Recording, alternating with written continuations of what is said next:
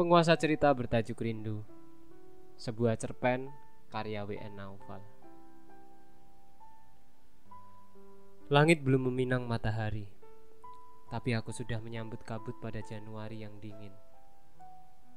Aku tengah menunggu kereta yang membawamu pulang gadisku. Enam bulan yang panjang Dan aku tak kuasa menahan debar. Ku duduk di selasar tanpa atap berteman karatan kaki bangku di stasiun Tugu. Di sini, pernah kulihat perihal air muka yang keruh, serta desah dua sejoli yang menyatukan kelingking. Kau adalah kenang yang selalu punya cara untuk dikenang. Gumamku dengan menatap langit yang basah. Teringat seperti hujan semusim lalu. Sebelum lepasmu yang akan hilang pada rimbun manusia yang lalu lalang Aku dan kau saling menatap dan saling mengecup. Lalu kau mengibah, meminta sebuah temu pada waktu yang belum tentu. Aku tersenyum. Kita akan bertemu juga, Duk. Pada akhirnya, jumpa akan datang pada suatu ketika. Tidakkah kita akan saling melupa pada akhirnya?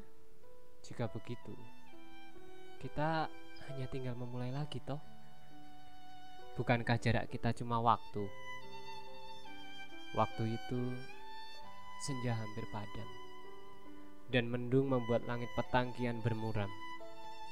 Ku kencangkan jaket beludrumu sebatas leher dan kupandangi matamu yang sayu. Kau remas tanganku erat. Tidakkah kau takut melepasku, Mas? Kenapa? Aku tidak akan takut melepas merpati. Jika dia baik, dia akan tahu jalan pulang. Lalu kau tersenyum. Aku menoleh ke arah sesorot lampu dari barat. Itu adalah kereta yang menghantarmu.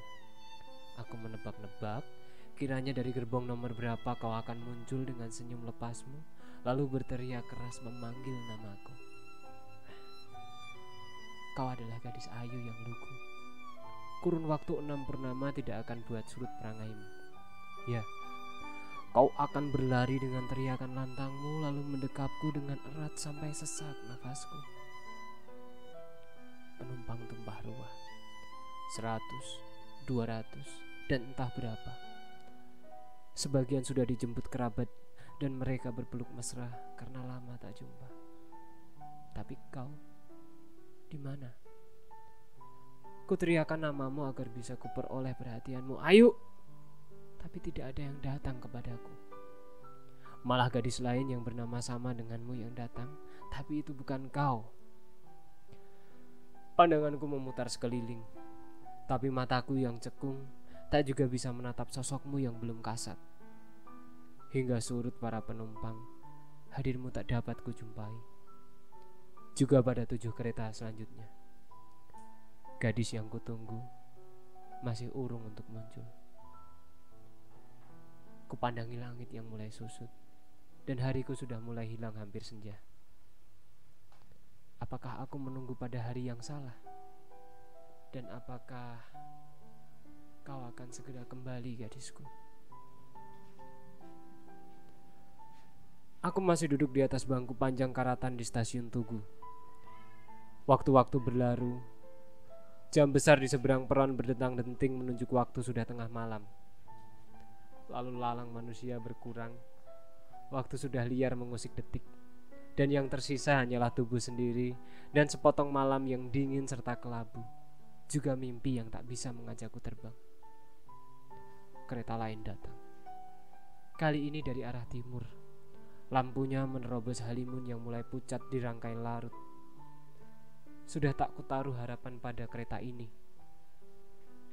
Apalagi ia beranjak dari timur, bukan dari arah kau pergi berpamitan. Kau tidak akan kembali hari ini ya, Nduk. Gumamku. Pikiranku beragitasi, menelisik ingatan menuju tahun-tahun kita selalu bersama dan sebaris senyum simpul mencuat dari bibirku. Ya, saat itu malam, Dan kau mengajariku bagaimana sebuah rasa muncul dengan sederhana dan tiba-tiba. Kulon Progo, 21 September 2010. Langit sedang bagus. Mungkin sekawanan burung emprit juga berpikir begitu.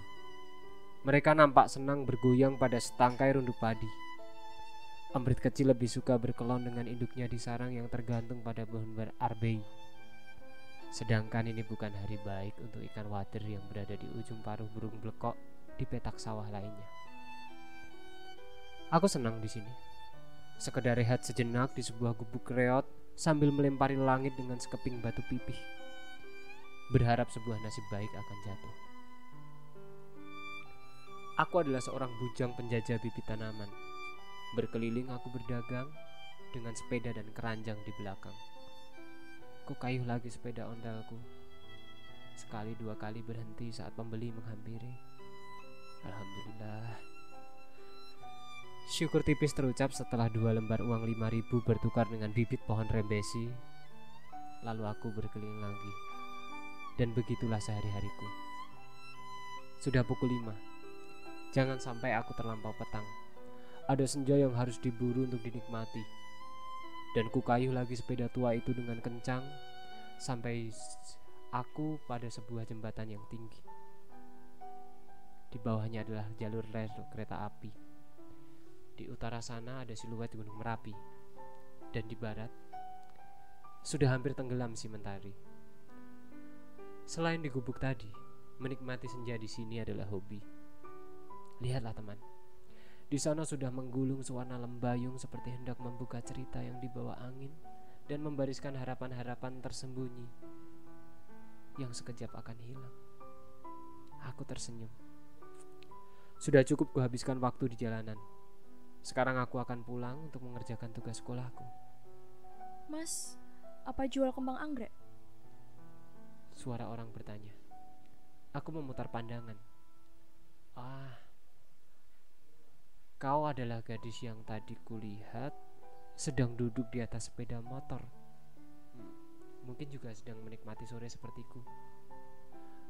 Duh, kebetulan, kebetulan saya tidak membawa hari ini, Mbak. Jika berkenan, besok bisa saya bawakan. Oh iya, Mas. Saya pesan satu. Jika ada yang berwarna merah. Oh iya, baik baik. Uh, tapi bisa saya antar di mana ya? Saya sering melihat Mas di sini setiap sore. Saya juga hampir setiap hari kemari menjelang petang. Boleh bawa ke tempat ini saja? Begitulah katamu dengan binar mata yang akan selalu kuingat. Sudah berkali-kali berganti senja. Kau memesan ragam satu jenis tanaman dan lainnya. Kita bertemu di tempat yang sama dan waktu yang sama pula. Di jembatan layang saat senja. Kau juga penggemar senja rupanya. Di sana juga aku kenal namamu sebagai Ayu. Entah lebih tepatnya itu nama atau gelar yang jelas itu sesuai dengan parasmu.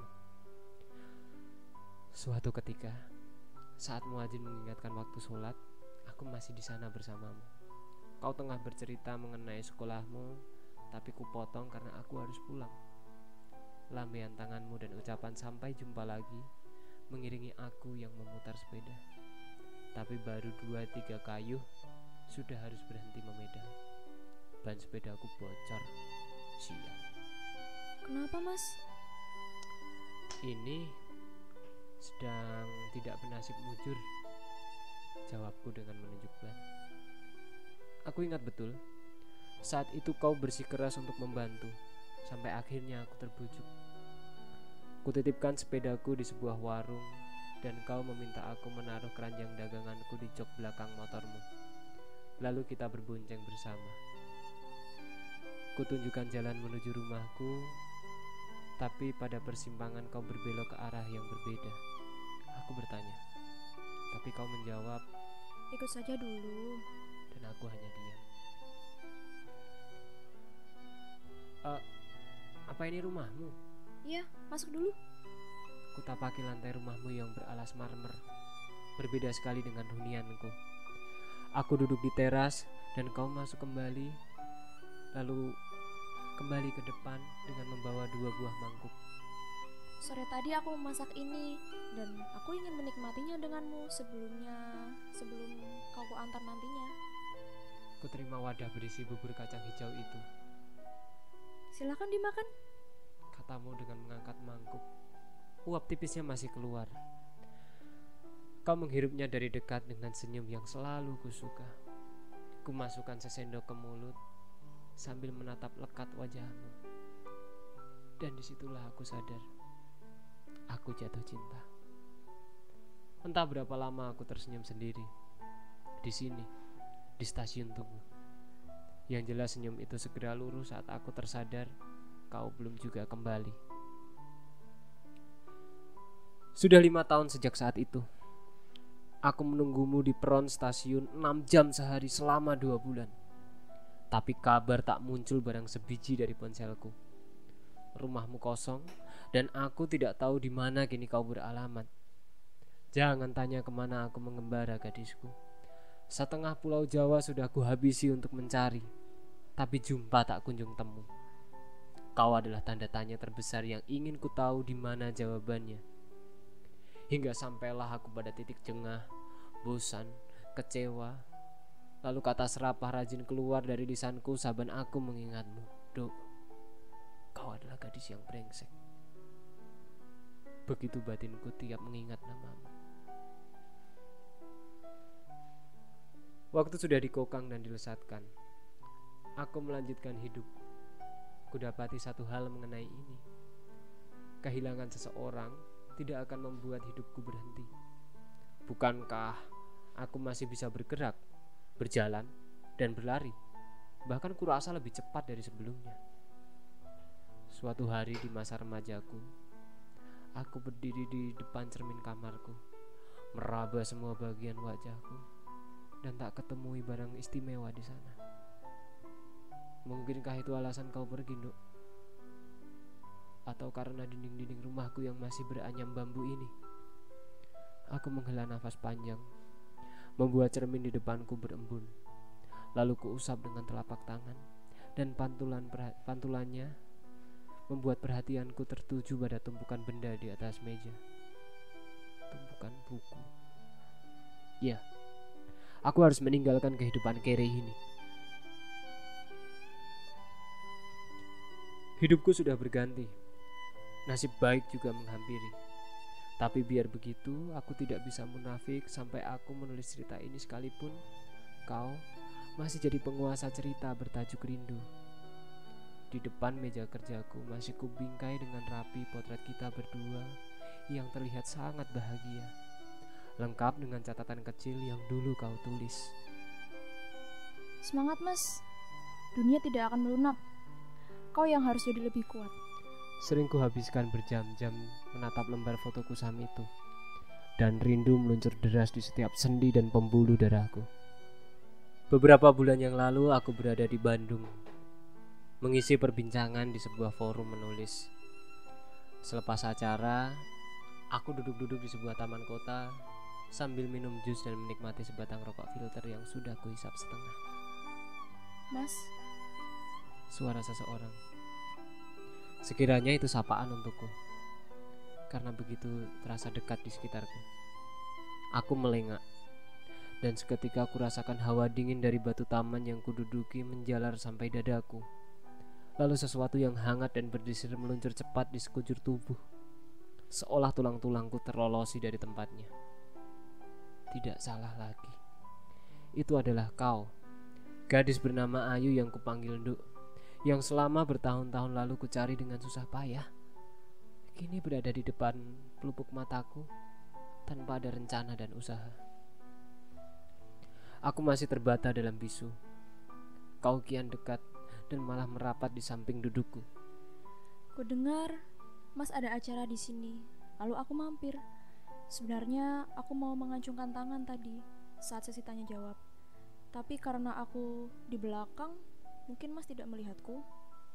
Katamu pelan dengan senyum yang lembut. Cantik. Kau bertambah jelita. Aku masih diam, menahan sesuatu yang memberontak di dadaku. Entah binatang buas apa yang hidup di dalam tubuhku. Yang jelas kurasakan ada sesuatu yang meronta dari dalam, menjerit dan berusaha melepaskan diri seolah dia sudah dikandang terlalu lama. Aku tidak tahu kalau sekarang Mas merokok.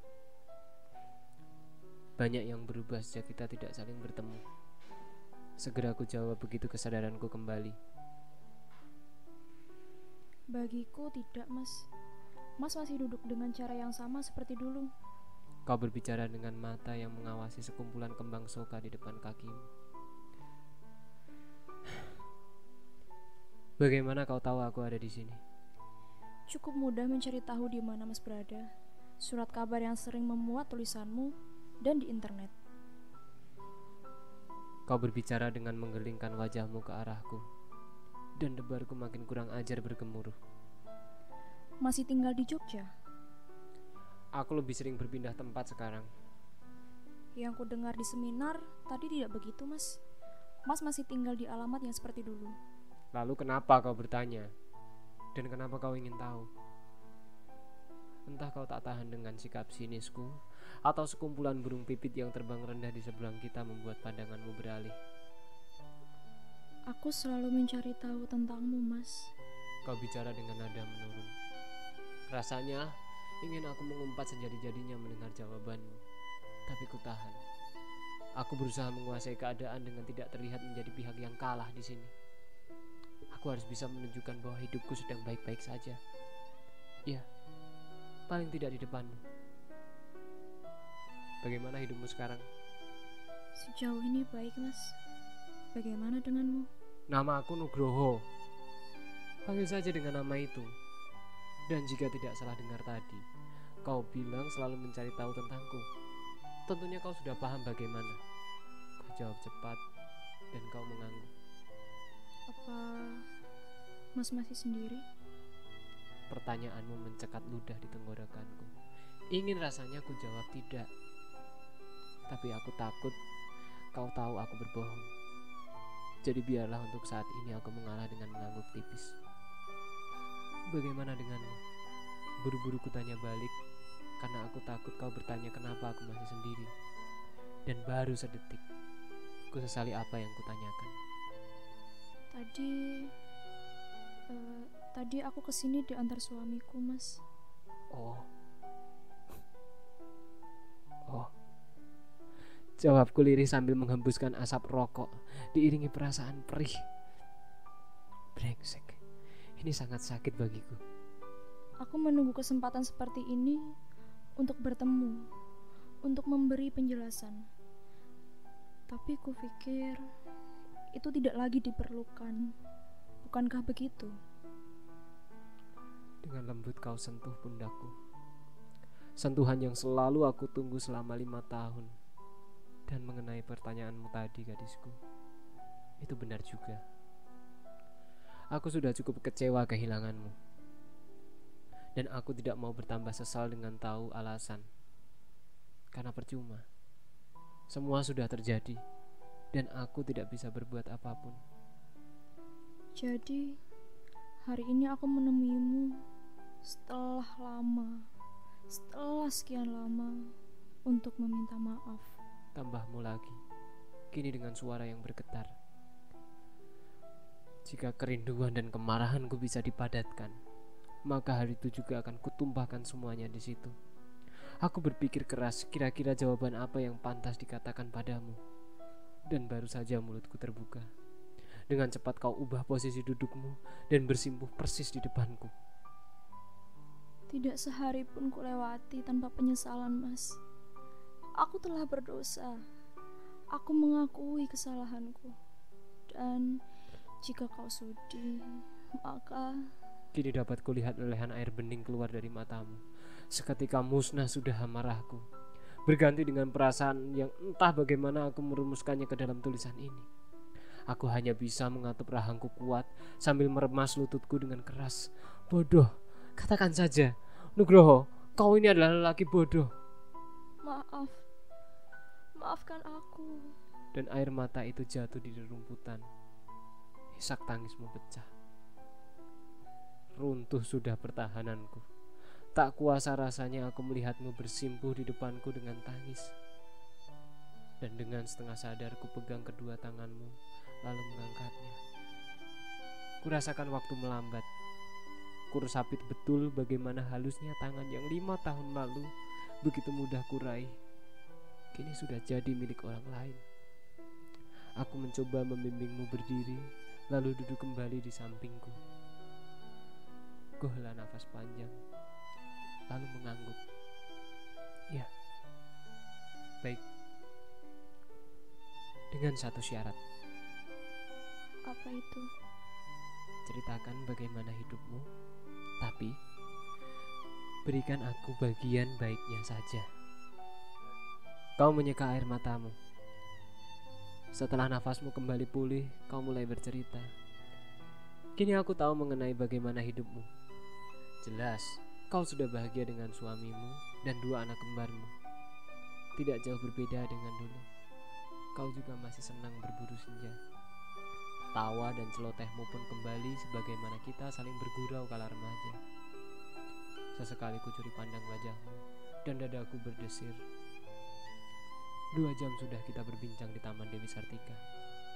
Aku sadar bahwa tiap detik aku bersamamu maka aku akan tenggelam lebih dalam ke sebuah kolam nostalgia yang tak akan bisa terulang.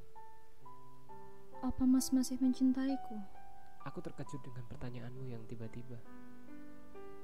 Aku memilih diam.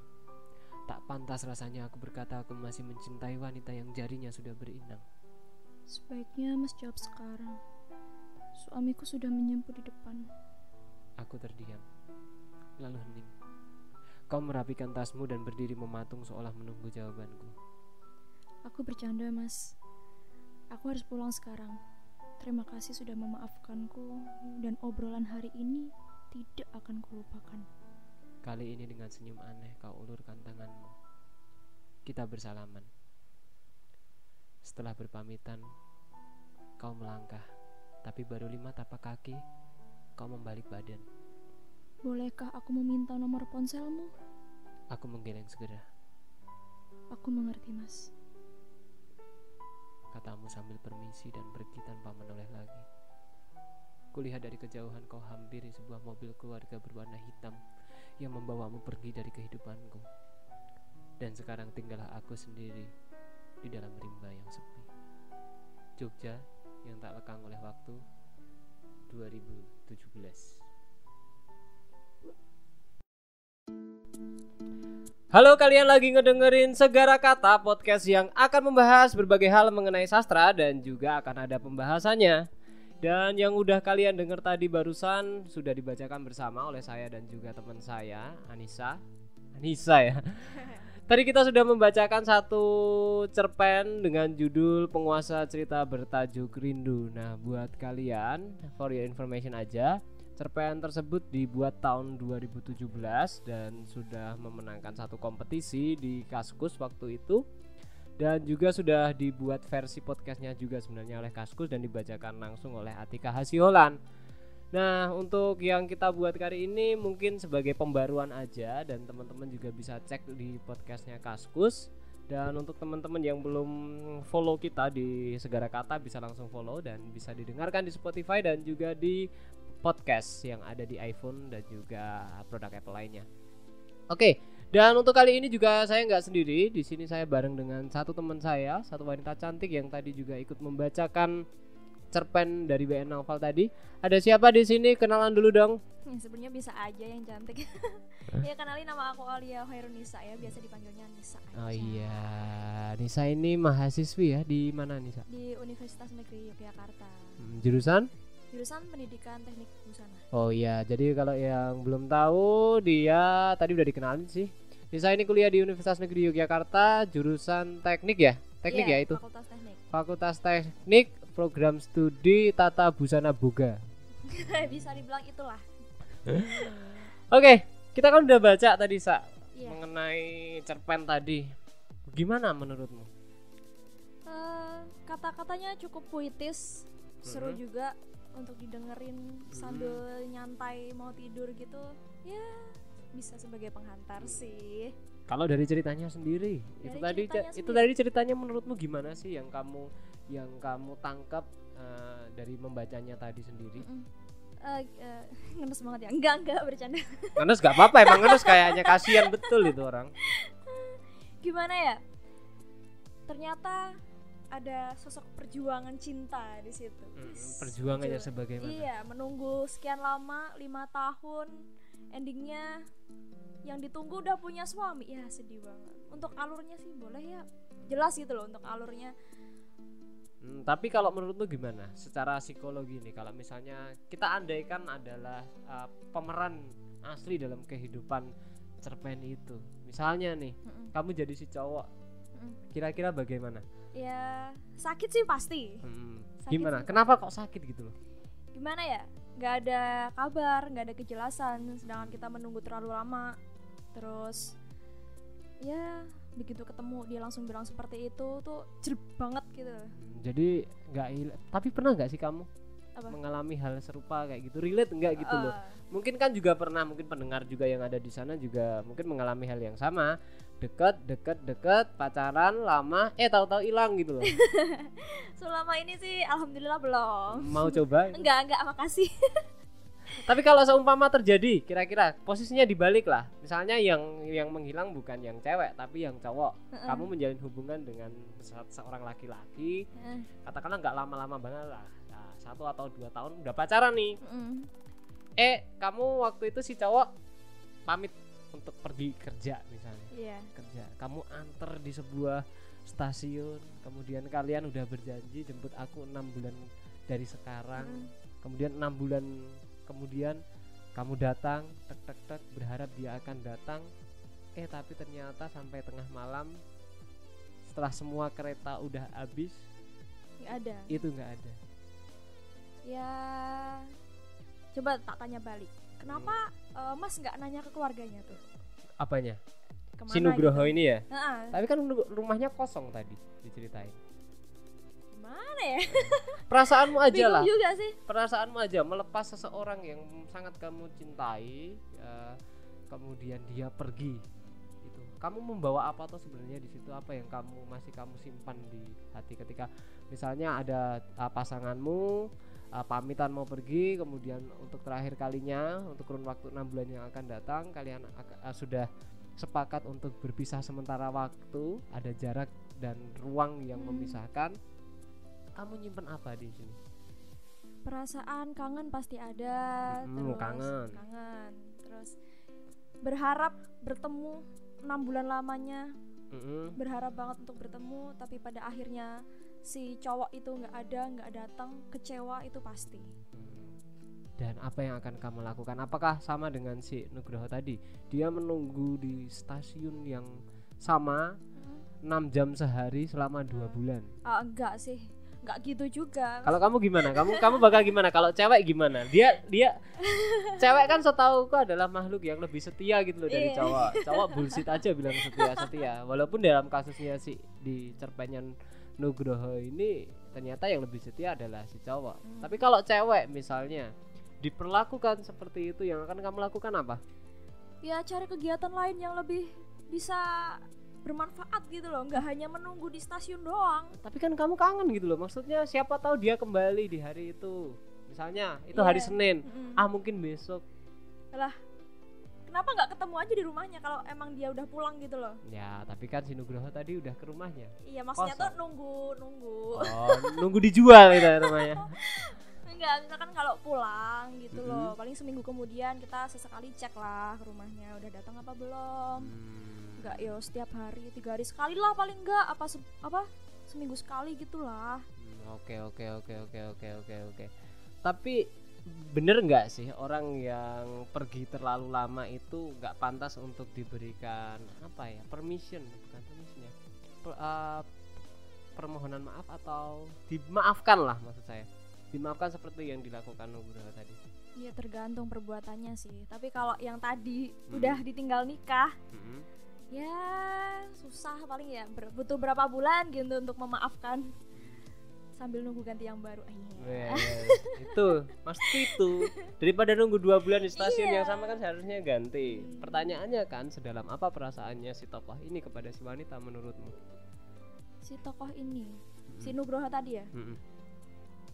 sangat berharap dengan tulus bisa bersama selamanya dengan si wanita tadi si Ayu Kira-kira kenapa? maksudnya Nah, ah, pasti kan ada cerita sebelumnya apakah karena si Nugroho tadi. Ah, apa ya? Dia dari sosok yang belum ah, belum berpunya waktu itu. Dia penjual tanaman penjajah tanaman keliling sepeda kemudian bertemu dengan wanita yang mungkin ya bisa dikatakan taraf hidupnya berbeda kondisi ekonominya. Tadi kan dijelaskan juga toh. Gimana menurutmu? Gimana ya? Bingung sendiri mas tentang si ah, Nugroho ini. Kenapa dia begitu menginginkan wanita ini? Karena Nugroho mempunyai sosok yang setia. Sosok yang setia? Eh. Enggak juga ya. enggak enggak enggak enggak apa-apa apa gitu loh yang diharapkan laki-laki dari perempuan setelah prosesnya? Atau kalau kita balik apa yang kamu harapkan ketika kamu melewati proses yang sama seperti yang mungkin dialami Nugroho misalnya kamu misalnya berjuang dari nol nih Mm-mm. dengan seorang laki-laki uh, dia bisa menerima kamu uh, apa adanya kamu juga menerima dia yang baik adanya misalnya kayak gitu. Gimana kalau kamu? Cewek mah bingung kan kayak gitu. Apa apa yang yang yang menjadi apa ya yang menjadi trigger trigger dari seorang Nugroho ini dia rela rela menunggu lama kalau menurutmu yang kamu tangkap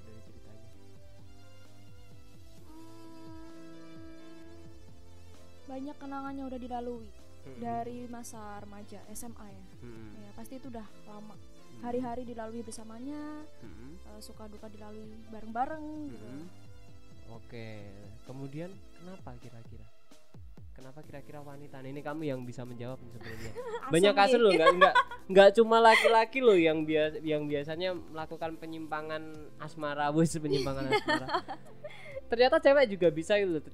Tapi jelaskan banyak kasus di kehidupan nyata juga mungkin kamu pernah mendengar atau mungkin kamu menjadi pelakunya, mungkin. asem ya Iya nggak? Tapi pernah belum kayak gitu? Eh, belum Belum. belum Tapi kenapa? Apa yang mendalangi wanita bisa meninggalkan si pria? Sepertinya kan kayak hubungan baik-baik saja. Uh, mereka mereka masih tetap saling mencintai bahkan sebelum berangkat yang tampak berat untuk meninggalkan itu kan si cewek.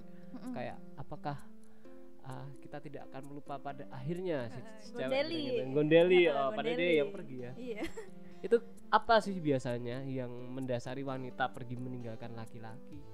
Kalau menurut biasanya tergoda dengan pilihan lain yang Hmm. lebih tinggi tentunya dari yang sebelumnya Maksudnya gitu. si, dia lebih pendek atau gimana ini? ya enggak Eh, lebih berat enggak berat Jadi kastanya gitu loh mohon maaf nih ya mohon maaf nih kaum miskin nih maaf nih Oh, gi- gimana gimana? yang lebih berpendidikan Satu. iya terus penghasilannya lebih intinya itu Mm, apa hampir semua wanita kayak gitu? Apa gimana sih sebenarnya wanita Eh, menyebutnya? kalau dari sisi aku itu jelas pasti karena menunjang kehidupan ke depannya gitu masa depan gitu loh cerah apa enggak suram apa enggak apa butek gitu Hmm, aja tapi kan kalau dilihat si Nugroho ini dia orangnya ini loh apa seneng apa ya giat lah Pekerja tekun keras gitu. pekerja Mm. keras Mm-mm. kalau cewek nih misalnya disuruh milih pilih mana dia yang mewarisi kekayaan ya dari lahir udah kaya atau dia yang lahirnya belum kaya Heeh. tapi dia berpotensi untuk itu milih yang mana susah. Kalau aku Ah, ah, kalau kamu milih yang berpotensi. Milih yang berpotensi. Iya. Tapi dia belum kaya nih pertama kenal Apa? nih. Ya namanya juga berjuang dari nol kan sama-sama Ah, ah. terus? temenin kita, ditemenin. iya kita juga usaha gitu. Terus ada orang baru datang dia lebih gitu kaya juga. gitu. Ya gimana? Ya kalau di kasus eh, cerita ini gitu. Ah, ah. Tapi kalau kamu sendiri kalau atau mungkin wanita-wanita yang lain ah, pengalaman-pengalaman mungkin kamu juga punya temen kan Mm-mm. yang punya pengalaman serupa. Mm-mm. apakah juga memang bisa seperti itu wanita sejahat itu? Eh, bisa. Mm, apa yang kalian pikirkan saat itu? Mungkin wanita pikirkan saat itu. Yang seperti kalau yang kita kenal sekarang kan saat ini kan wanita itu apa ya mereka apa-apa itu berpikir dengan lebih ke arah hati gitu loh kalau cowok kan logika Iya. jelas ya seharusnya lebih yang kalau ada kasus meninggalkan seseorang itu lebih banyak di cowok aku bisa paham Mm-mm. karena kaumku nih kaumku ini mereka bisa apa ya menghitungkannya mengkalkulasi semua perhitungannya itu dengan dasar logika kalau cewek kan lewat hati Hmm. Tapi dengan kenyataan yang seperti tadi melihat uh, apa yang disampaikan kalau cewek juga memandang cowok itu nggak cuma dari fisik tapi juga dari uh, kekuatan finansial Iya, betul. kemudian juga uh, apalagi ya finansial ekonomi ekonomi finansial sih. Ya itulah. Dari itu apa? Kenapa gitu loh? Apakah perasaan nyaman itu juga bisa tumbuh secara tiba-tiba? Atau kamu punya contoh kasus lain mungkin? Kalau aku nyaman tumbuh karena kita terbiasa. Biasa bertemu, biasa Mm-mm. bersama. Nah, Mm-mm. itu bisa menimbulkan rasa nyaman.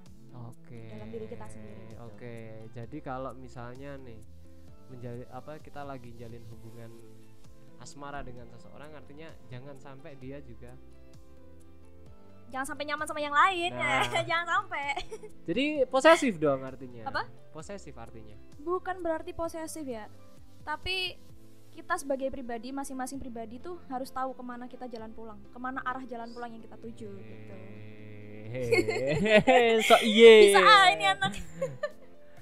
Hmm, tapi kalau uh, seperti tadi bagaimana?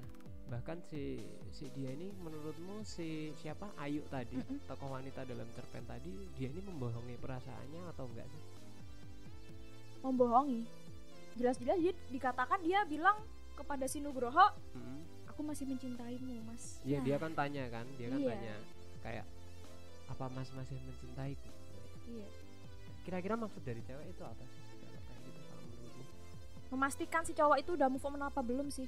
Kalau belum, Kalau belum, ya gimana lagi? Gue udah punya suami, Bo. Maaf nih. tapi kan dia minta nomor ini, nomor nomor handphonenya di akhir cerita Eh, tadi. Mungkin bisa dijadikan untuk teman cerita dikala dia sedang ada masalah dengan suaminya. Wih, luar biasa.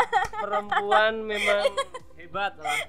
Bercanda. Enggak, enggak bercanda ini jujur kayaknya. Ya, kebongkar deh. Ya, oke.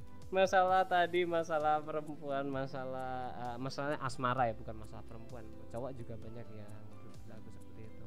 Apa sih sebenarnya yang harus yang harus bisa kita lakukan untuk agar kejadian seperti itu tidak ditimpa oleh orang lain? Mereka ini dua orang yang saling mencintai loh sampai akhirnya berpisah hanya dalam waktu enam bulan bisa bisa bisa seberubah begitu banyaknya ya satu orang. Yang penting sih menurut aku komunikasi ya dijaga ya. Jangan Mhm. sampai ngabarin sebulan sekali. Mm-mm. Ya, paling nggak seminggu sekali lah itu aja udah jarang banget. Mm. Yang penting komunikasi lah dijaga, jangan sampai nggak ada komunikasi sama sekali. Soalnya kita juga bisa mantau kan, kamu Mhm. di sini sehat nggak? Eh, Mhm. Habis ngapain aja nih tadi nih? Hmm, Oke. Tuh. Kalau untuk si laki-laki sendiri, misalnya ini kan dua dua-duanya kan saling tidak bertemu. Apa sih sebenarnya yang diharapkan dari si wanita ketika memang ada jarak yang memisahkan? Mm-mm. Mereka memang harus berpisah, bukan hubungannya ya, tapi raganya. Mm-mm. Raganya berpisah. Kamu di kota A, dia di kota B. Yang kamu harapkan di laki si laki-laki yang ada di kota B itu apa sebenarnya untuk seorang wanita? Yang aku harapkan ketika aku pergi, semoga si laki-laki yang berada di kota B sebut saja Nugroho itu eh, kehidupannya bisa lebih baik lagi. Mm-mm, Tapi yang enggak, maksudnya Yang apa? apa? yang harus dia jaga gitu loh di situ? Apakah apakah mungkin ya si Nugroho ini berpikiran yang sama seperti ya semoga kita akan tetap bertemu, kamu akan kembali menjadi ketika kamu kembali ke sini, kembali ke kota ini kamu masih menjadi orang yang sama gitu. Ada nggak perasaan takut semacam itu ketika ketika kamu berpisah lama dengan seseorang dan ketika dia kembali ternyata dia udah jadi orang lain. Ya takut sih ada. Yang penting kita jaga hati kita, jangan sampai tergoda nih sama yang lain. Jangan Hmm. sampai. Yang penting kita tahu aja deh ke mana kita harus pulang, ke mana arah jalan pulang kita. Dari awal tuh ya kita kan punya komitmen ya di awal. Mm-mm. Jangan, jangan sampai lupa lah sama komitmen itu. Tapi kalau ada orang baru gimana? Apa? Misalnya si Nugroho dia cuma naik motor, Hmm. terus kamu misalnya pindah kamu jadi ayuknya, terus pindah ke kota kota Bandung B misalnya. Di sana lebih di sana ada yang jemput naik mobil gitu. ya ya ya pikir-pikir gitu ya Iya. kalau dia cuma jemput tok ya lah oke lah daripada Oke. panas hujan ya oke Nah, nggak nebeng gitu tapi kalau dia udah menjurus ke arah pendekatan nih udah Heeh. ke arah PDKT ya kita jaga jarak lah Hmm, jaga hubungan kita ya kayak kalau si Nuzul itu. Kalau dia bos. Ya oke. Baik jadi terakhir nih untuk closing statement eh, dari kisah yang udah kita baca bareng tadi. Apa eh, yang bisa kamu ambil dari situ? Kesetiaan benar-benar diuji Hmm. di sini. Ketika tidak bisa dipertahankan? Kita harus rela mengikhlaskan. Oke, baik. Oke, terima kasih Nisa. Kita akan kembali ngobrol-ngobrol lagi di episode yang akan datang di Baik. Segara Kata. Terima kasih, jangan kapok Iya, untuk main-main di sini. Nanti kita akan banyak uh, ngobrol dan juga kita akan banyak membaca karya sastra, baik itu berupa uh, puisi satu atau mungkin juga cerpen seperti tadi. Yang jelas untuk teman-teman semua nanti bisa uh, ajukan keinginannya, request atau apa pun di Instagram saya di @wn_naufal. Kalau Instagramnya Nisa apa ini? Eh Hairunisa Aulia underscore Oh, hai at Hairunisa pakai K ya. ya K H A I R U N N I S A K Oke. Aulia underscore Oke, baik. Terima kasih untuk teman-teman dan jangan lupa untuk tetap sehat juga di tengah uh, kondisi negara yang lagi ah ya kita diserang wabah ini semoga tetap sehat-sehat semuanya Amin. dan jangan lupa untuk mengkonsumsi makanan bernutrisi, minum air yang banyak dan jaga interaksinya supaya tetap sehat dan kita tetap bisa dengar uh, cerita-cerita yang lain bersama Segara Kata. Terima kasih. Dan untuk menutup uh, sesi untuk menutup cerita pada kali ini tentunya kita akan bela- banyak belajar sama-sama di mana kadang setiap kisah sebagus apa pun itu setiap kisah pasti harus mempunyai ending. Dan setiap pertemuan itu pasti uh, berakhir dengan sebuah perpisahan. Dan inilah cerita tadi adalah cerita mengenai sebuah kisah yang sudah lelah yang berujung pada kata pisah. Terima kasih saya WN Naufal Uh, selamat sore dan selamat beraktivitas. Assalamualaikum warahmatullahi wabarakatuh